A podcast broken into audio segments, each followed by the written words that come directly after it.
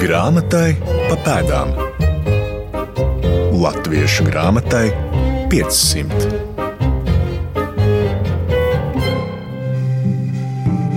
Esiet sveicināti! Mans vārds ir Mariona Baltkalne, un šoreiz raidījumā grāmatai pa pēdām gribētu jūs, cienījamie klausītāji, iepazīstināt ar kādu spilgtu 18. gadsimta enciklopēdistu, cilvēku ar plašu interešu loku. Un, ja mēs dotos uz varakļānu pusi, tad tur daudz dzirdētu par viņa dzimtes mantojumu. Stāsts ir par Mihalu Janu Grāfu Borhu, un ar viņa dzīves gājumu un izdotajām grāmatām šoreiz iepazīstināt iepazīstinās Latvijas Universitātes Akademiskās bibliotēkas rokrakstu un reto grāmatu nodaļas vadītāja un vadošā pētniece Aija Taimiņa un Latvijas Nacionālās bibliotēkas Letonikas un Baltijas centra vadītāja Kristīne Zaļuma. Vispirms tiekamies ar Aiju Taimiņu, un tā kā apraksti par Borhu ir dažādi, tad sākumā noskaidrosim, kāds īsti ir viņa vārds. Grāmatai pa pēdām. Mihails Fonderborgs, Mihāls Jans Borgs. Kā mums korekti būtu jādēvē mūsu šīs dienas varonis? Kā kuram patīk? Polijas avotos, protams, tas būs poliskais uzvārda un vārda veidojums Mihāls Jans Grāvs Borgs no trim krokļiem. Vācu literatūrā Mihails Johans Valsts grāfs Vanderborgs Ubešits. Latviski parasti Mihails Johans Grāfs Borgs. Bet, nu, arvien ticoties tuvāk patiesībai un respektējot viņa paša pasaules sajūtu, kad viņš pats par sevi saka, ka viņam vissvarīgākais ir piederība Polijas pasaulē un viņa dzimtene ir Polija, nu, tad laikam būtu jāpaliek pie tā poliskā varianta. Un kas bija tie trīs kraukļi, ko jūs minējāt? Trīs kraukļi ir Borhu dzimtas ģerbons, kas nāk dzimtai jau no viduslaikiem, un šie trīs kraukļi tie ir tie, pēc kā atpazīst Borhu dzimtu varakļānās. Borhi ir vācu dzimta, kuras priekšteči Livonijā izsekojami līdz 15. gadsimtam. Mihala Jana Grāfa Borha gadījumā uz viņa dzīvi noteikti lielu iespaidu atstājis viņa tēvs, kurzemes hercogistes diplomāts, amata vīrs Polijas galmā ar lielu ietekmi. Arī dēlam iespējams būtu bijusi spoža karjera galmā, tomēr Mihalu Janu Grāfu Borhu mēs pieminam kā dabas zinātnieku un kā ceļotāju. Tajā pašā laikā tieši izcelsme pavēra iespējas dēlam iegūt izglītību un karjeru, militāro apmācību, sniedza materiālo nodrošinājumu. Izpētes augsta. Ja tēvs ir tik ievērojama amatā kā Jans Borgs, Polijas vicekanclers, no 1767. gada līdz viņa nāvei 1780. gadā. Un 780. gadā viņš, acīm redzam, neilgi pirms nāves jau ir iecelts ļoti augstajā polijas kanclera amatā. Tad nav šaubu par to, ka šīs dzimtas tradīcijas un dzimtas iespējas nosaka to, kā veidosies bērnu likteņi. Un ir laimīgs gadījums par to, ko pats Mihāls Jānis Borgs savos 23 gados domā par jauna, izglītota, dišiltīgas izcelsmes vīrieša audzināšanu. Savu Eiropas ceļojumu, savus Grand Tour, kas septiņus gadus ilgst. Laikā viņš regulāri un sistemātiski raksta savam tēvam vismaz divas reizes nedēļā vēstules uz Varšavu vai uz Varakļāniem ceļo ritmiski un sistemātiski. Un kādās no tām jaunais Borgs izsaka savus pārdomus par to, kā būtu jāaudzina viņa jaunākais brālis. Un acīm redzam, tas ir tas, kas viņam pašam šķiet par labu esam un dod vislielāko rezultātu, vislabāko rezultātu uz jaunu cilvēku personības veidošanos. Nu, ko tad raksta 776. gadā, 18. maijā no Lionas jaunais grāvs Borgs savam tēvam, vicekancleram? Viņš raksta, ka ir nepieciešams viņam bijis pašam mācīties angļu, vācu, itāļu valodu, matemātiku, algebru, mūziku, ieroču prasmes, nepieciešams šo audzināšanas kompleksu pārņemt no tā, kā tas tiek darīts Francijā, Itālijā, Vācijā, Šveicē un Holandē. Jaunais vīrietis, tikai 23 gadi. Viņu ir apmācījuši daudz gadu garumā privātskolotāji, franču izcelsmes privātskolotāji, atcīm redzot, tādi ir bijuši vairāki. Tad viņa audzināšana ir nonākusi Varšavas jēzuītu kolēģijas rokās, un jau deviņu gadu vecumā zēns ir nodots militārajā dienestā.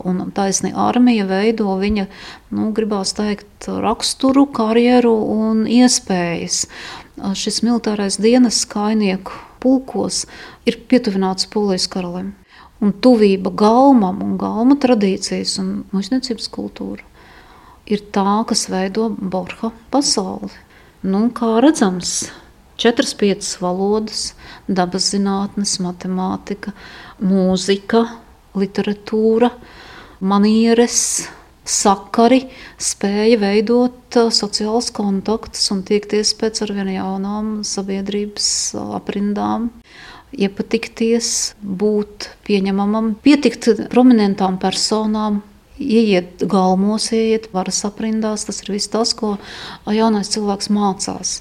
Acīm redzot, gan no savas vidas, gan no saviem skolotājiem. Aijas Taimiņas pieminētais jaunā Borha lielais ceļojums, jeb Grand Tour, kas sākas 1774. gadā, nav nejaušība. Tā ir 18. gadsimta dišciltīga jauna cilvēka izglītības programmas sastāvdaļa, un vienlaikus tēva uzdevumā Borhs dodas diplomātiskās misijās uz Vīni, Romu, Neapoli. Tas ir laiks, kad notiek polijas dalīšana, un šī ceļojuma vēstules, kas bagātīgi glabājas Ukrainā, Ļvivā, Borha fondā, un to pētniecība nākotnē iespējams varētu sniegt kādus jaunus secinājumus. Bet skaidrs ir tas, ka jaunā Borha, un viņš patiešām ir jauns, viņam ir tikai 20 pāri gadi. Viena no misijām un viens no ceļojuma nolūkiem faktiski varbūt bija diplomātisks pārunas, jo minētie gadi iezīmē Polijas trīs vēsturisko dalīšanu notikumus. Un tas, ko jaunais Borgs, kā galvenieks, kā karalim stipri pietuvināta persona, dara Eiropā un meklē dažādās Eiropas pilsētās un augststāvošu personu lokos, ir veids, kā Polijas karalim Staņislavam III, kuru Katrīnas II realizētā Polijas dalīšana atstāja bez troņa, bez valsts, bez teritorijām.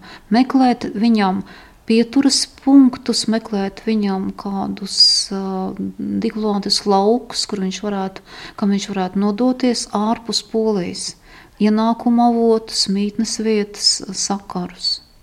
Tas ir tas, ko Borgs arī dara. Par to tieši vai mazāk tieši vai netieši liecina vēstules, bet paturot prātā vienmēr to, Diplomātiskā valoda dažkārt ir ļoti nosacīta. Un Borga sarakstā ir arī viena vēstule, kas ir rakstīta šifrā. Par ko tās saturs? Lūdzu, lai pētniekiem padodas atšifrēt šo vēstuli. Diplomātiskajās misijās Borgs tiekas ar augstu stāvošām amatpersonām - Vīnē, imperatora galmā, Itālijā pie pāvesta kūrijas, tad vizīte Maltas ordeņa mītnē. Man bija pilna soma ieteikumu vēstulēm, tā Borgs norādījis savā ceļojumu aprakstā. Tik tālu par diplomātiju. Kā norāda Aija Taimiņa, tad Borgs ir vēlējies būt literāts un daudz rakstīt. Viņš arī daudz no savām iecerēm realizējis. Ceļojuma pa Eiropu laikā viņa grāmatas tiek izdotas Romā, Neapolē, Palermo, Turīnā, Milānā. Borha zinātnes valoda ir franču, arī ar tēvu viņš sarakstās franču valodā, bet grāmatas, protams, tiek tulkotas citās valodās. 1776. gadā Borgs no Neapoles devies uz Sicīliju un Maltu, un pēc brauciena top darbs - vēstules. Jā, vēstules, proti, grāmata. Iespiesta grāmata, apgaismības laikmetam raksturīgs nosaukums vēstules par. Vēstules ir literāras vēstules. Pilnīgi noteikti kādas vēstules varēja būt arī konkrētam adresātam sūtītas, bet visticamāk tas ir kāds tomēr nosacīts adresāts. Un adresāts esam mēs visi lasītāji, un šīs vēstules ir ceļojuma apraksts, ceļojums vēstulēs. Ceļojums pa Sicīliju un Maltu, kas ir noticis šos septiņus mēnešus. Un jaunā grāfa ceļojums pa Itāliju, ja to rekonstruē, būtu brīnišķīgs turisma maršruts. Ja vien mēs varētu tāpat kā viņš doties no Neapoles uz Sicīlijas salu, tad noīrēt nelielu zvejas laivu, doties apkārt ar šo nelielo zvejas laivu pa jūru Sicīlijas salai, piestāt ik pa brīdim kādā interesantā vai vilinošā vietā, tad noalgot četrus mūļus, vienu pavadoni un, un ar savu kalpu kopā un šo pavadoni doties tādos nelielos ceļojumos iekšzemē. Četri mūļi tāpēc, ka viens grāfam pašam, viens pavadonim, vietējiem sicīlietiem, viens kalpotājam un viens mūlis nes divus matračus un pārtikas krūzus. Un tad var doties ceļā. Šis ir literārs apraksts un skaistā literārā formā baudāms ceļojuma apraksts, kas ir iedvesmojis vēl vienu otru citu ceļotāju un kalpojis par labu paraugu, par labu pavadoni, piemēram, Johanam Wolfgangam von Gētem, kurš ir izmantojis Borha aprakstu. Bet uh, tas, ko grāfs plāno jau ceļojuma laikā, tas kļūst redzams lasot viņa vēstules. Jau tad ir skaidrs, ka viņš tēvam ziņo, ka viņam ir vēlme un interese radīt vismaz četrus dažādus dabaszinātniska satura apcerējumus. Viņa interese par eksaktām zinātnēm un konkrēti par dabas zinātnēm ir pilnīgi skaidra. Svarīgā grāmatzīme. Viņa dzīves lielā interese ir dabas zinātne. Un viņš ir ne tikai tāds labdabīgs vērotājs, viņš ir arī pētnieks. Un kas par to liecina? Pirmkārt, tas, ka Boris nododas sistemātiskiem pētījumiem. Viņš dodas ceļā visnotaļ apgādājies ar dažādiem instrumentiem. Viņam ir kompass, viņam ir barometrs, viņam ir termometrs, viņam ir neliela acīm redzot, pat neliela ķīmisko reaktīvu kolekcija līdzi. Viņš ved ceļojuma dienas grāmatu, viņš izdara temperatūras mērījumus, viņš nosaka koordinātas, viņš mēra augstumus un vēro dažādas dabas parādības. Viņš zīmē, viņam ir skiču bloks. Viņš patiešām ļoti precīzi vēlās atspoguļot redzēto. Un tā ir dabaszinātniska pieeja. Lai gan viņš pats saka, es esmu liels, skaistu skatu cienītājs. Sicīlijā ir grūti nebūt skaists skatu cienītājiem. Tad sanāk tā, vēstulēs par Sicīlijas un Maltas salu šajā grāmatā mēs atrodam ko? eksperimentu aprakstus, aprakstus par ainavu, padziļinātus, detalizētus faktu uzskaitījumus par vietējiem iedzīvotājiem, kartes. Viss minētais ceļojuma dienas grāmata papildināta ar zīmējumiem, papildināta ar gravīrām, kas ir tapuši pēc paša autora zīmējumiem un dažu citu palīdzību vēl turklāt. Ceļojuma iespaidi, ceļojuma pārdomas varbūt mazāk, bet reāli, precīzi, eksakti vērojumi. Un, ja ceļojuma iznākumā tuvākais iespiestais darbs ir Sicīlijas akmeņu katalogs, drīz tam seko Sicīlijas mineraloģijas pārskats, un tam seko Sicīlijas litoloģijas apcerējums tad ir jāsaprot, ka tā patiešām ir pētnieciska, zinātniska interese. Un, ja Borgs nodarbojas ar eksperimentiem un izmēģina skāpes reakciju uz marmora, dažādu šķirņu marmora akmeņiem, vai pārbauda lavas un skāpes reakcijas, vai vēro to, kā augsne nosaka augu klātesamību kādā noteiktā reģionā. To, ka Borgs veido teorijas vulkanoloģijā, Lūk, tas būtu tas, ko man gribētos teikt, dabzinātņu vēstures jomā būtu vērts tomēr ieskatīties Borha franču valodā rakstītajās un franču valodā publicētajās grāmatās. Varbūt mēs varam papildināt priekšstats par to, ka viņš ir ne tikai mineraloģijas, bet arī vulkanoloģijas viens no pirmajiem pionieriem. Tur ir dažas interesantas lietas. Nu, kaut vai viņš ir ļoti mērķiecīgi sistematizējis akmeņu pasauli. Viņš ir fiksējis, ka Sicīlijā ir atrodams 121 veids dažādu jašmu, 170 veidu dažādu marmoru. Nerunājot par pārējiem akmeņiem, un minerāliem un vispār. Viņš sistematizē, viņš ievāc datus pēc metodoloģijas. Un tā vairs nav tikai nejauša vai garām ejoša interese. Un es gribu ļoti noticēt tam, ka ceļojuma iznākumā arī Varakļānu pilī atradās viņa savāktā ārkārtīgi interesantā un noteikti plašā minerālu kolekcija, par kuru mēs vairs nezinām gandrīz neko. Nu, un, ja viņš tēvam ziņo, protams, viņam tēvam ir jāziņo, viņš kā apzinīgs un godīgs dēls to arī dara. No Sicīlijas pašas vēstules nemaz tā nav ceļojuši. Acīm redzot, tolaik Sicīlija ir visai nomaļa un visai mežonīga vieta, un tāpēc saraksta vairāk veicās tad, kad uh, grāfs atrodas kontinentā. Bet tomēr ik pa brīdim tēvam tiek paziņots, man ir divi čemodāni pilni ar kolekcijām, grāmatām, gravīrām. Tad viņš stāsta par to, ka viņš ir nopircis mātei porcelānu vīnē. Viņš stāsta par to, kā viņš ir pircis dārglietas, dažādus dīvainus priekšmetus.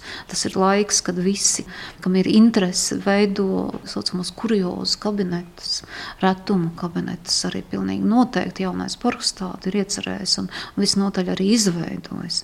Borgs Sicīlijā uzkavējies arī pie simt zirgu kastaņkoka. Tas ir bijis sens un sazarojies koks, kura lapotne 18. gadsimta 70. gados varēja dot pavēni simt zirgiem. Bet tikpat labi Borgas Sicīlijas vēstulēs un Maltas ceļojuma aprakstos ir visai plaši ekskursi par papirusu, kas aug Maltā, par uh, sēnēm, par trifelēm.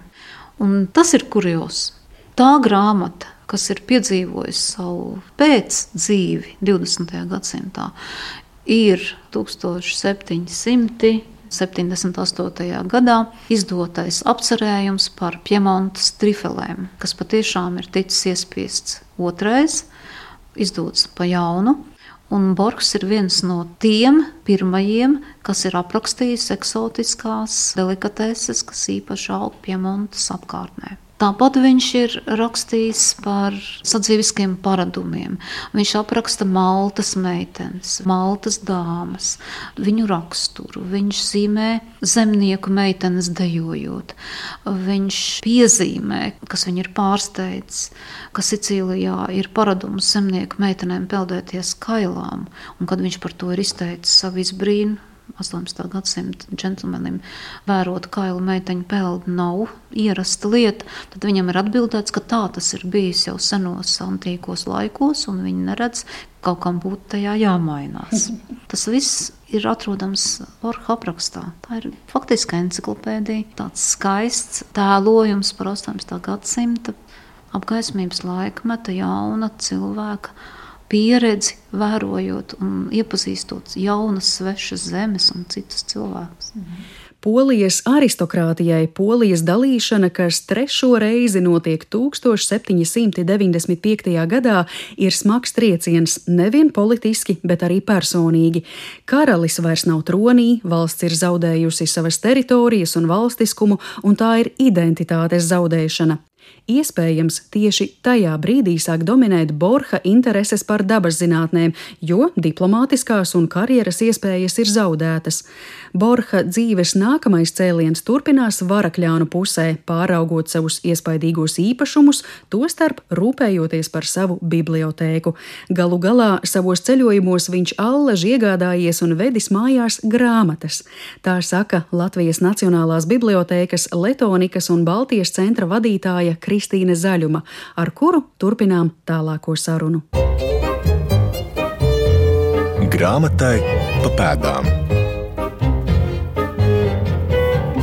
1791. gadā, kad viņš pilnīgi nolēma dzīvot varakļānos, tad viņa interesi liekas, vēl paplašinās. Tad ir medicīna vēl klāta un dārgakmeņi un pusdārgakmeņu kolekcijas veidošana. Un ļoti, ļoti plašs un varētu teikt, bagāts cilvēks, kas tiešām ir atstājis nozīmīgas pēdas gan Latvijas teritorijas vēsturē, kā tādā, gan arī es uzskatu, ka viņš jau iet ārpus. Tas jau ir Eiropas kultūra telpas nozīmes cilvēks, kas ir ietekmējis procesus Latvijā. Un vispār ieviesis ļoti jaunas lietas, bijis ļoti progresīvs. Un, kā mēs zinām, progresīvie nevienmēr ir saprasti savu laikmetu cilvēki. Viņš arī noteikti bija vientuļš kaut kādās savās izpausmēs. Ļoti nozīmīgi ir arī tas, kas viņam bija līdzās. Sieva viņam bija viena, viņš ļoti viņu mīlēja. Vismaz vēstulēs tā mēs varam nojaust. Ļoti mīļas vēstules viņš raksta vēl 50 gadus pēc laulībām. Un tās visas ir praktiski franču valodā. Šobrīd gan tas arhīvs glabājās Ukrajinā. Nezinu, kāds ir liktenis Ļuvovā šim visam, bet uh, mēs esam jā, diezgan pētnieki iepazinuši šos te tekstus arī ārpus Latvijas. Ir zināms, ka arī tad, kad viņš uzturējās Varšavā, tur arī bija biblioteka. Ir pat saglabājies katalogs, kataloga noraksts, jau to pēcteči ir sagatavojuši. Un viņi nemitīgi arī, viņa sieva pēc Borha nāves arī interesējās par literatūru. Viņi nemitīgi izrakstīja žurnālus franču valodā, laikrakstus un lasīja ļoti daudz. Ne tikai viņš, bet arī visa ģimene. Nu, tad sanāk, ka mēs šo viņa grāmatu plauktu varam tā, iedalīt divās grupās. Tas, kas viņam vienkārši ir, citu autoru radīts, un tas, ko viņš rada pats. Kas ir tie dārgumi, kas viņam pieder? kas ir citu autoru radīts, vai no dabas zinātnēm, vai no ceļojumu aprakstiem, diplomātijas. Es domāju, ka mēs, tas ir ļoti skaļi, jo mēs pilnībā nezinām viņa bibliotekas apjomu, pat nezinām saturu, tikai nosacīt pēc tā, ko ir 19. gadsimta vidū pētnieki pateikuši. Un varējās apjoms no desmit tūkstošiem. Pētnieks, Latvijas pētnieks Brežģīls saka, ka jau desmit tūkstoši bijuši, bet uh, tas ir domāts ar visu arhīvu. Un tad mēs lēšam, ka tas varētu būt no 4 līdz 8 tūkstoši tomēr iespiedu darbu. Bet tieši kādi mēs tiešām nezinām, un tas, kas ir palicis vēsturē, nu, jūs zināt, tas ir fragments. Ja? Mēs nevaram absolutizēt lietas, kas nu, tiešām bija viņa plauktos. Bet tas, kā antīkie darbi, tie bija ļoti populāri. Tas ir eh, visas Pjēra Beilī un noteikti Didro. Un tādas lietas noteikti bija viņa plauktā. Vai bija, mēs nezinām, bet es domāju, ka bez tā nevarētu. Un tad, kad jūs pieminējāt vēl šos antīkos autorus, mēs iespējams iespējams. Varam runāt arī par lielajiem vārdiem, tiešām, ko mēs saistām ar sengrieķu literatūru. Par lieliem vārdiem es nevaru pateikt, bet plīnijas noteikti ir starp tiem. Ja, mēs šodien arī varam apskatīt un paturēt rokā šo grāmatu. Tieši tāpat kā Borgs pirms ļoti daudziem gadsimtiem to lasīja, mēs arī varam baudīt šos tekstus. Tieši tāpat kā Borgs. Borga liktenis nav tā, ka mūžu izpostīja un grāmatas gāja zudībā. Viņam bija ļoti svarīgs pielikums testamentam, kur viņš ļoti skrupulozi noteica, kas ir jādara ar biblioteku. Un viņš ļoti pats uztraucās par to, kas notiks pēc viņa nāves. Un 50 gadus pēc viņa nāves testamentā noteiktais vairs netiek pildīts, un pēcteči būtībā izpārdod biblioteku. Visvairāk bibliotekas eksemplāri nonāca ķīmeļa grāmatveikalā Rīgā. Un ir arī slaveni bibliofili, kas ir iepirkuši, piemēram, Hutens Čapskis ir nopircis un Krakovā noteikti kaut kur diezgan lielā apjomā stāv uh, Borha eksemplāri. Tā kā paši pēcteči izpārdeva grāmatas. Un man ar lielu pārsteigumu jāsaka, ka es pētot Borhu atradu šo viņa testamenta pielikumu. Testaments, kā zināms, akadēmiskajā bibliotekā glabājas viss teksts, kur mazliet arī ir biblioteka iezīmēta, bet izdevās Ļuvovā atrast atstāto šo vēstījumu, kur biblioteka netiek nodota mantojumā, kā parastas lietas, kā citas, ko viņš apraksta. Bet visas šīs kolekcijas, arī minerāli, pusdārgakmeņu, dārgakmeņu, dažādi instrumenti un uh, bibliotekas, tā skaitā, un fizikas kabinets viņam bija.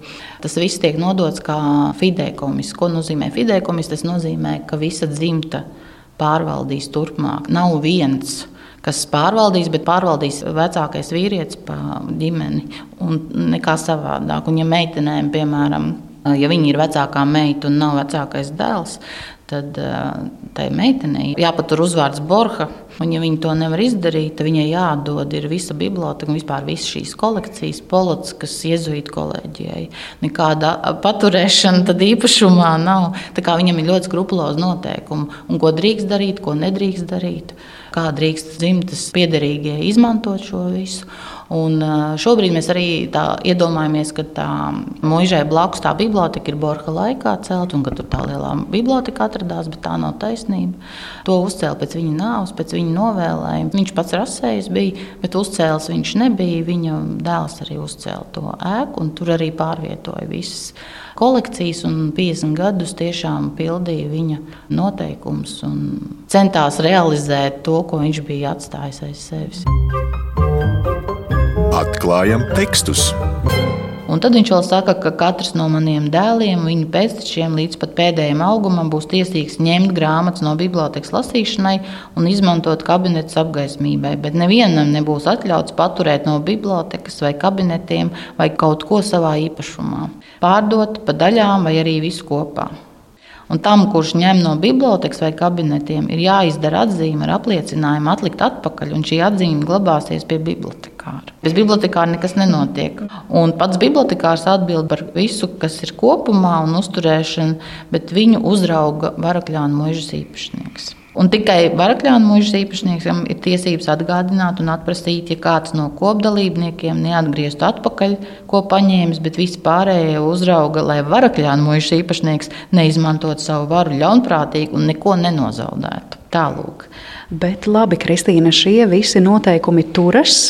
Es saprotu, vairākas desmitgades, bet mēs zinām, 20. gadsimta sākums nāk ar ļoti lielām pārmaiņām Latvijā. Ir revolūcija, ir mūža dedzināšanas. Kas notiek ar Borha mantojumu tad un kas mums ir palicis?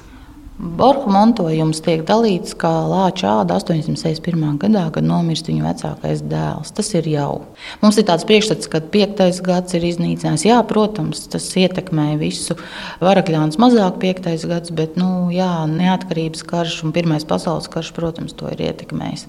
Bet grāmatas un gleznu kolekcijā uz Marinzejas mūžu tiek pārvadīta daļēji Varakļānos daļēji.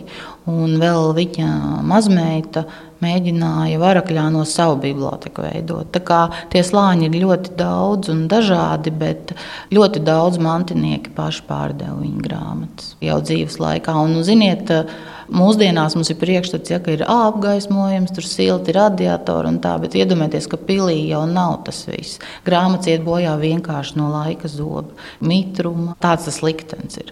Arī šīs pusdārga kameņu un dārga kameņu jautājums, piemēram, Marinzējā bija vesels kabinets, kur bija pusdārgamiņiem mēbeles pasūtītas, un viņi šādā veidā Borha vārdu iemūžināja mēbelēs, izmantojot to visu.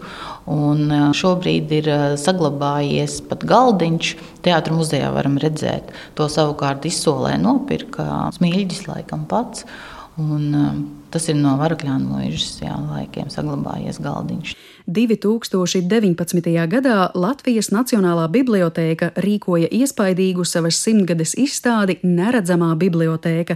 Viena no tās sadaļām bija veltīta grāfam Borham un Varakļānu neredzamai bibliotēkai, ko pētnieki centušies rekonstruēt, sameklējot Borha atlikušās grāmatas, atpazīstamas pēc ekslibriem ar trim kraukļiem. Viena no Borha grāmatiņām ir poetisks darbs Varakļānu pils jūtu dārs. Latvijā šis sacerējums franču valodā zināms tikai vienā eksemplārā Latvijas Universitātes akadēmiskajā jeb misiņa bibliotēkā, bet 2019. gadā darbs kā kabatas formāta zaļa grāmatiņa izdots latviešu valodā ar paralēlo tekstu franciski. Bet uh, arī jūtu dārzam ir tāds garš stāsts, jo vispirms viņš prezentēja šo savu poēmu Polijas karalim, Polijas karalis ļoti daudz iebilda par tekstu. Un būtībā divas trešdaļas beigās tas, kas ir izdots, tas nebija tas, ko viņš vispār atzējoja pirmajā reizē. Mūsu mazā zaļā grāmatiņa, kas mēs domājam, kā kabats grāmatiņā, pastaigāja pa varakļānu dārzu, kur ir, viņš piepildīja savu sapni, kas bija noskatīts Anglijas lielajos parkos mūžu, realizēja savu sapni varakļānos, un Mārs Salējs piekrita laipni atzējot. Viņš gan atzina, ka tas bija neprāts. Kā jūs, Kristīna, raksturotu, kas ir šis eh, sentimentālais dārzs, jeb jūtu dārzs? Es nojaušu, ka sentimentālais jūtu dārzs jau nav vienkārši viens pret vienu dārza augļu koku apraksts. Tas ir kaut kas tāds filozofiskāks, vai ne? Nu, tā ir autora jūtu pasaule.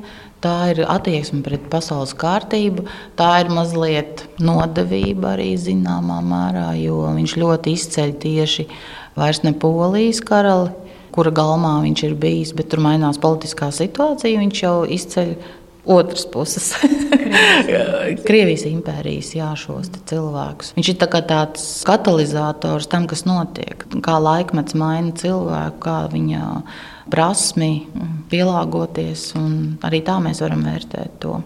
Mūsu stāsta noslēgumā Kristīna Zaļuma atgādina par ciparu trīs. Nevien trīs kraukļi ekslibri raksturo Borhu, bet viņš arī runā par trim draugiem. Viņa ekslibri ir latīņu valodā devīze, kas tulkojumā nozīmē trīs vienā, trejādībā vienmēr pilnība. Tas ir tulkojumā. Un e, savulaik viņš ir e, pārstāstījis saviem vārdiem tāda Erimīda Tēlema, kas bija Odiseja varoņa eposā pareģis pārstāstījis tādu fabulu. Man tas likās tik zīmīgi. Tas ir fabula par trīs draugiem. Viņš saka, ka eh, nevienam draugam no tiem visiem trim nevar uzticēties. Un eh, neizbēgam katram cilvēkam ir šie trīs draugi. Un kas tad ir šie trīs draugi? Tas ir zelts, ko mēs nevaram pēc nāves nekā nepaņemt līdzi, neko mēs ar viņu nevaram iesākt. Ķermenis, tas ir vēl viens mūsu draugs. Bet vislabākais draugs, kas ir visvienmēr atturīgākais un vienmēr piemirstākais, bet kas vienmēr būs tas atbalstītājs, tie ir labie darbi. Un labie darbi ir tie, kas paliek vēl arī daudzus gadsimtus pēc ķermeņa aiziešanas citā saulē, tā kā mēs šodien runājam par Borhu. kā Borgs saka, tieši šie labie darbi iegūst žēlastību un nodrošina piedošanu apmēram 30 grāmatas senos un skaistos iesējumos ar ekslibriem divu bibliotēku krājumos Latvijā, grāmatas Krakovā, kādi portreti Varšavā vai Maskavā, vēstules Ukrainā, Ļvivā, kur atrodams arī Borha rakstīts apsveikuma dzējolis sievai latviešu valodā. Tāds ir tikai aptuvenais Mihala Jana Grāfa Borha mantojums. Kaut kas ir bijis Rēzeknē 1920. gados, bet vairs nav. Vēl varakļānus izpostīja bolševiki, kuri nežēlīgi apgājās ar Borhu kapenēm un pils inventāru. Tomēr Borhs nav zudis. Pēdējie restaurācijas gadi liecina, ka arvien jauni sienu gleznojumi atklājas Varakļānu pilī, un nav izslēgts, ka kādus no tiem meistari varēja darināt arī pēc paša Borha skicēm. Mantojumā saglabāsies arī kolēģis Zanes Lāces Baltāksnes 2016. gadā veidotais raidījums Latvijas pērles par varakļānu mūžu, ko varat dzirdēt radioarkīvā, kā arī mūsu šīs dienas stāsts, ko veltījām gadā, kad aprit 270 gadu kopš Borha dzimšanas. Stāstu veidoja Mariona Baltkalne. Paldies par sarunu saku Aijai Taimiņai un Kristīnai Zaļumai. Ar viņām tikos Latvijas Universitātes Akademiskajā bibliotēkā un Latvijas Nacionālajā bibliotēkā, kas ir arī šī raidījuma padomdevēji. Par skanējumu rūpējās Nora Mitspapa, producente Santa Lauga. Uz sadzirdēšanos citu reizi! Grāmatai pa pēdām Latviešu grāmatai 500.